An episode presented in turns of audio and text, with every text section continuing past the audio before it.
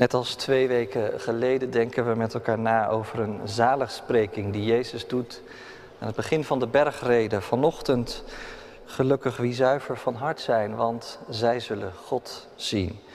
Matthäus 5, vers 8.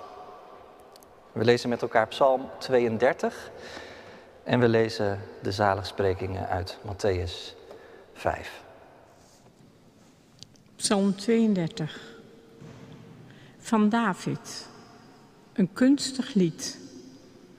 Gelukkig de mens van wie de ontrouw wordt vergeven, van wie de zonden worden bedekt.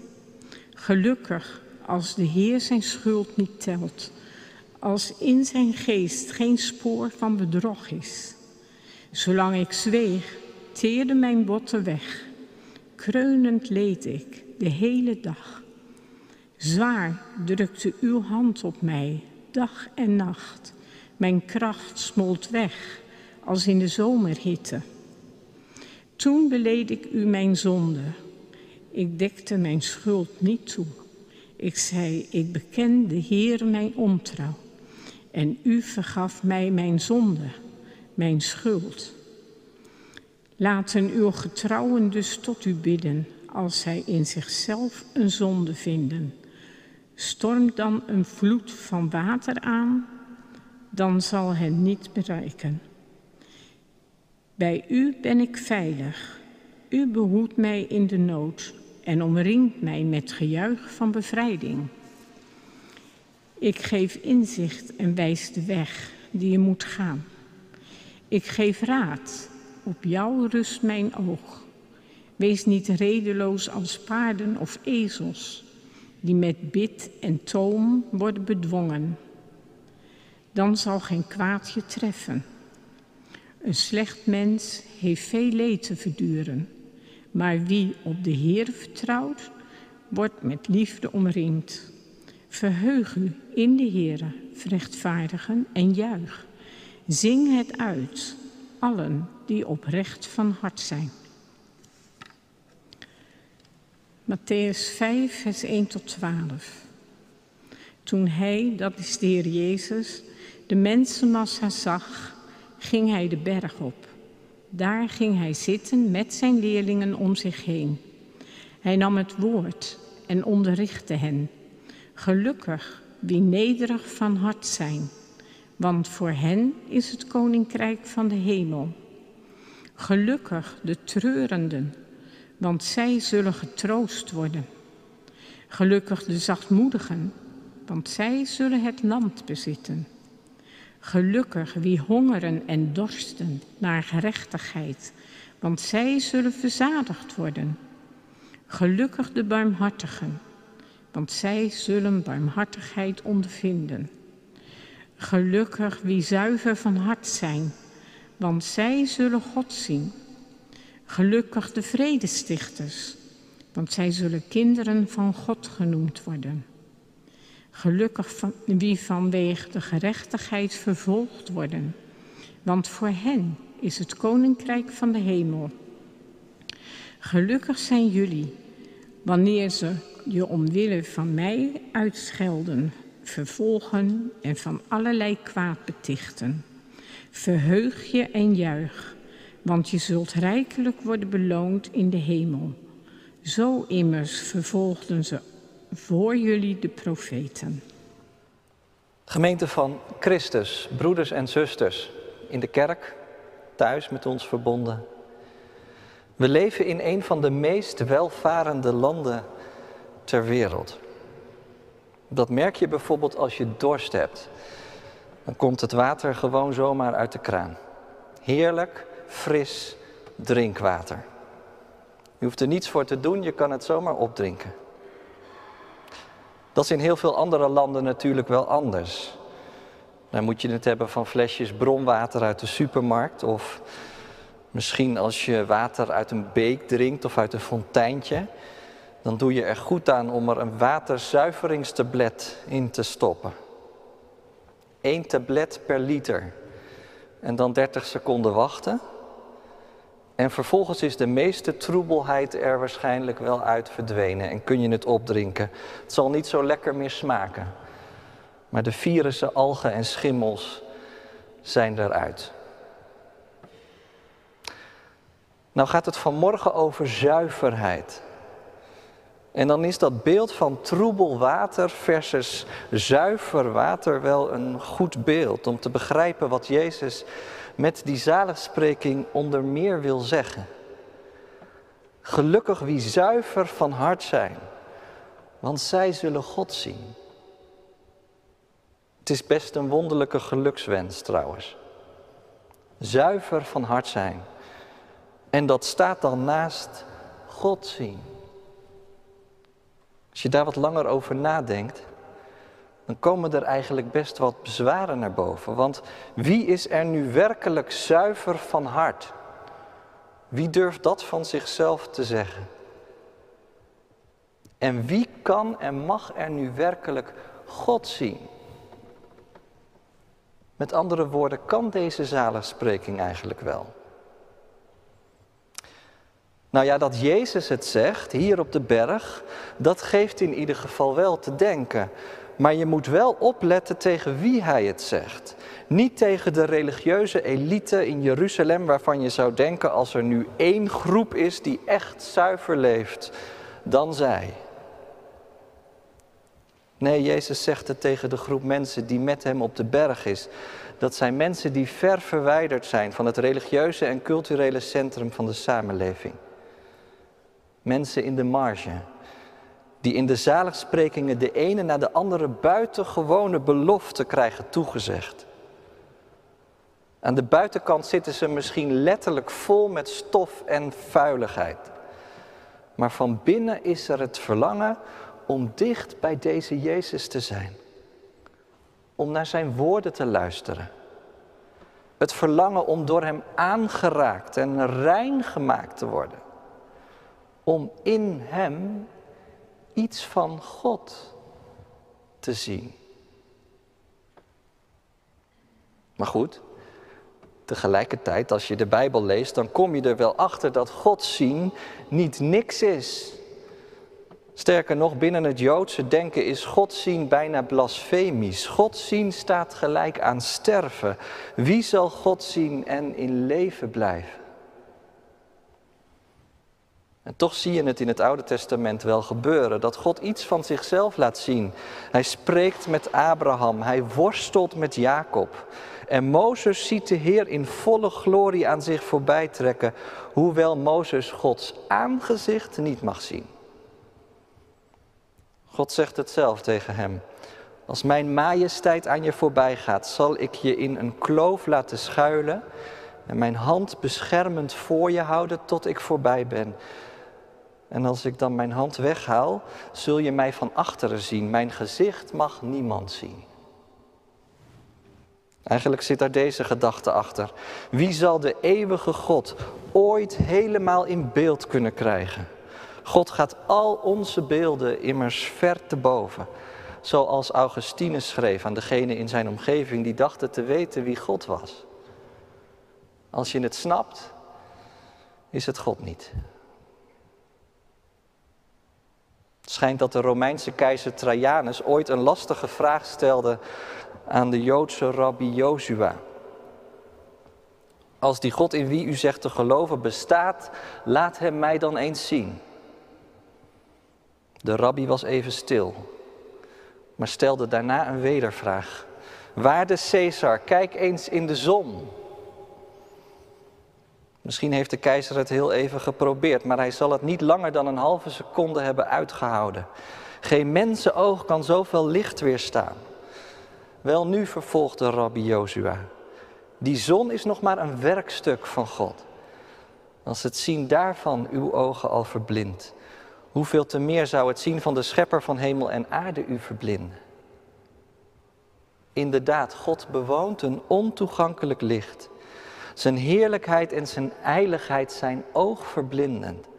En bovendien, in dat licht komen onze menselijkheid en sterfelijkheid en troebelheid en onzuiverheid volop aan het licht.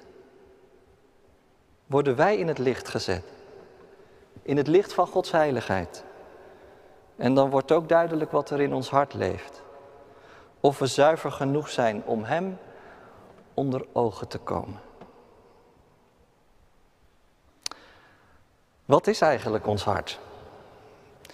Nou, biologisch gezien is het een spier.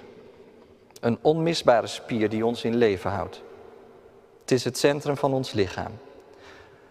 Maar in het denken van de Bijbel is het hart vooral het centrum van onze persoonlijkheid. Het hart omvat onze geest, onze wil en onze emoties. We hebben het soms over hoofd, hart en handen. Het hoofd staat dan voor ons verstand, voor ons ratio, het hart voor ons gevoel en de handen voor wat we doen en wat we laten. Maar in het Bijbels spraakgebruik ligt dat wat anders. Dan moet je de emotie eigenlijk zoeken in de buik, in de ingewanden en het hart ligt daar net iets boven. Het hart is het centrale orgaan waar vandaan het hele lichaam wordt bestuurd.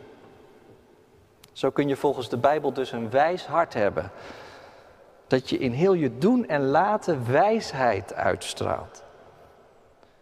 En als de Bijbel het over een zuiver hart heeft, dan betekent dat dus dat je in je hele doen en laten zuiverheid uitstraalt, transparantie, een mens uit één stuk. En nu is juist zuiverheid in het Oude Testament een heel belangrijke voorwaarde om die God waar het net over ging onder ogen te komen. We hebben Psalm 24 gezongen. Wie is de mens die op zal gaan en voor Gods heilig aanschijn staan? Wie niet op loze wijsheid bouwt, maar zijn hart en handen zuiver houdt. En daarbij ging het niet alleen maar om innerlijke zuiverheid. Nee, juist in en rondom de tempel was ook uiterlijke zuiverheid ongelooflijk belangrijk. Reinheid. Heel veel wetten en regels uit de Torah gaan precies daarover. Over een goede hygiëne en het eindeloos reinigen van jezelf en van de spullen waarmee je in aanraking kwam. Wat dat betreft is het verhaal van de barmhartige Samaritaan wel tekenend. Je weet wel van die man die onderweg van Jeruzalem naar Jericho in elkaar werd geslagen en als de dood aan de kant van de weg ligt. Een priester en een leviet zijn onderweg naar Jeruzalem, naar de tempel. Maar ze lopen met een boog om deze man heen. Stel je voor dat je onzuivere handen zou krijgen door een dood lichaam aan te raken. Het is trouwens Jezus die deze gelijkenis vertelt inderdaad diezelfde Jezus die we zojuist hoorden zeggen, dat de zuiveren van hart gelukkig zijn. Maar hier wil hij een ander punt maken. Hier stelt hij dat zuiverheidsideaal juist aan de kaak, als hij de religieuze elite in Jeruzalem adresseert. Want die obsessie met uiterlijke zuiverheid kan ook doorschieten. Jullie doen zo je best om zuiver te blijven en rein. Maar welke gedachten gingen er door die priester en door die leviet heen toen ze die man daar als dood langs de kant van de weg lieten liggen? Durfden ze hun carrière niet op het spel te zetten? Dachten ze dat God vooral een God van regels is? In ieder geval getuigde hun handelen op die weg niet van een zuiver hart. Pas maar op dat jullie geen wit gepleisterde graven worden, zegt Jezus. Van buiten ziet het er prachtig uit, maar van binnen doods en onrein. Jezus prikt er dwars doorheen. Hij komt steeds weer bij de kern. En hij legt een vraag neer die toen relevant was en vandaag niet minder. En die eigenlijk alles met die zaligspreking te maken heeft, want die wil natuurlijk ook prikkelen. Hoe je er aan de buitenkant ook uitziet, hoe zit het met je hart? Is dat zuiver? Of is het troebel? Ik zou zeggen, laat die vraag eens even serieus op je inwerken. Wat is een troebel hart? Nou ja, dan kan je denken aan een hart dat vol zit met verkeerdheid, met hypocrisie, leugen en bedrog. Maar misschien ligt het soms ook nog wel wat genuanceerder. Dat je hart gewoon troebel is vanwege een opeenstapeling van rommel, negatieve gedachten, herinneringen, emoties. Want zeg nu zelf, je verzamelt wat in je hart, toch? Negatieve ervaringen die je soms diep wegstopt.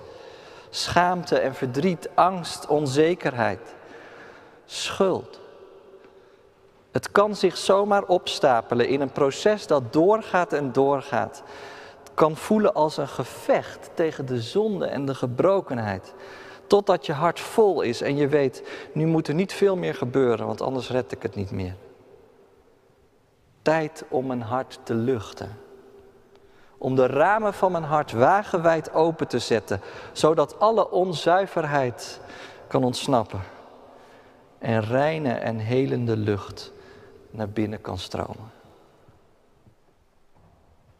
Kijk, als dat gebeuren zou, dan kun je wel begrijpen dat Jezus zuiverheid aan geluk koppelt, toch? Maar hoe doe je dat dan? Hoe zet je de ramen van je hart open? Ik zou vanochtend drie stappen willen benoemen. Zoek de stilte. Kom de troebelheid onder ogen. En kijk naar Christus. Als je het verlangen hebt om God te zien en om een zuiver hart te hebben, dan is het denk ik heel belangrijk om de tijd te nemen om te luisteren naar Gods stem. En daarvoor zijn rust en stilte eigenlijk cruciaal. Voor velen van ons kenmerkt deze tijd zich door een voortdurende hectiek. Voor je het weet, dender je maar door. Dat is nu zo en vroeger misschien ook wel, want Maarten Luther schijnt eens gezegd te hebben: als je het druk hebt, moet je juist meer tijd nemen voor gebed. Want juist wanneer er aan je getrokken wordt, mag je de stilte en het gebed niet verzuimen. Is er niets beters dan even alleen te zijn met God? Dat kan in de kerk. Op zondag, in de ochtend, in de middag, tijdens de vesper vanavond. Door de week tijdens een middaggebed of op een ander moment. Het kan ook op een andere plek. Misschien heel bewust gekozen, een plek apart gezet om stil te worden voor God. Stilte die werkelijk heilzaam kan zijn. Want wat brengt je dat dan? Nou, onder andere dit, de tweede stap. De stilte geeft je de gelegenheid om God te laten spreken. Om zijn woorden tot je te nemen en te overdenken. En tegelijkertijd zul je merken dat die woorden ook om een reactie vragen. Kijk alleen maar wat je allemaal leest in Psalm 32. Over iemand met een troebel hart gesproken. En heel lang sprak hij er geen woord over. Zolang ik zweeg, drukte uw hand op mij, totdat ik u mijn zonde beleed. Laten uw getrouwen dus tot u bidden.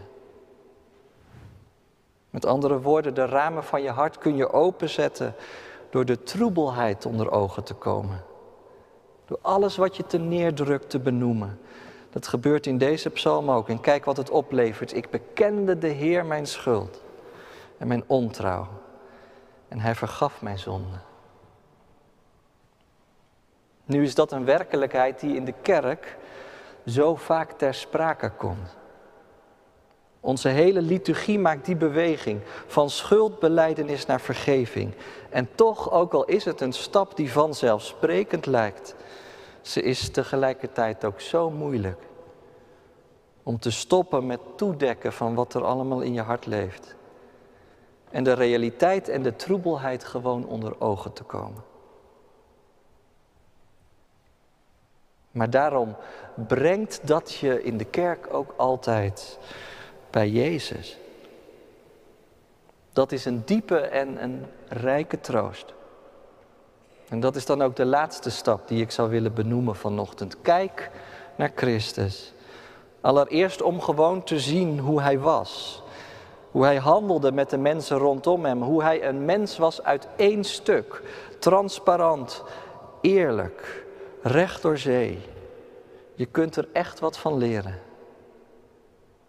En daarnaast Kijk naar Hem omdat, zoals het voor alle zaligsprekingen geldt, het ook hier geldt. Ten diepste gaan die gelukswensen over Jezus zelf. Heb je het verlangen om een zuiver hart te hebben? Om de troebelheid in je hart te laten reinigen? Kijk dan naar mij.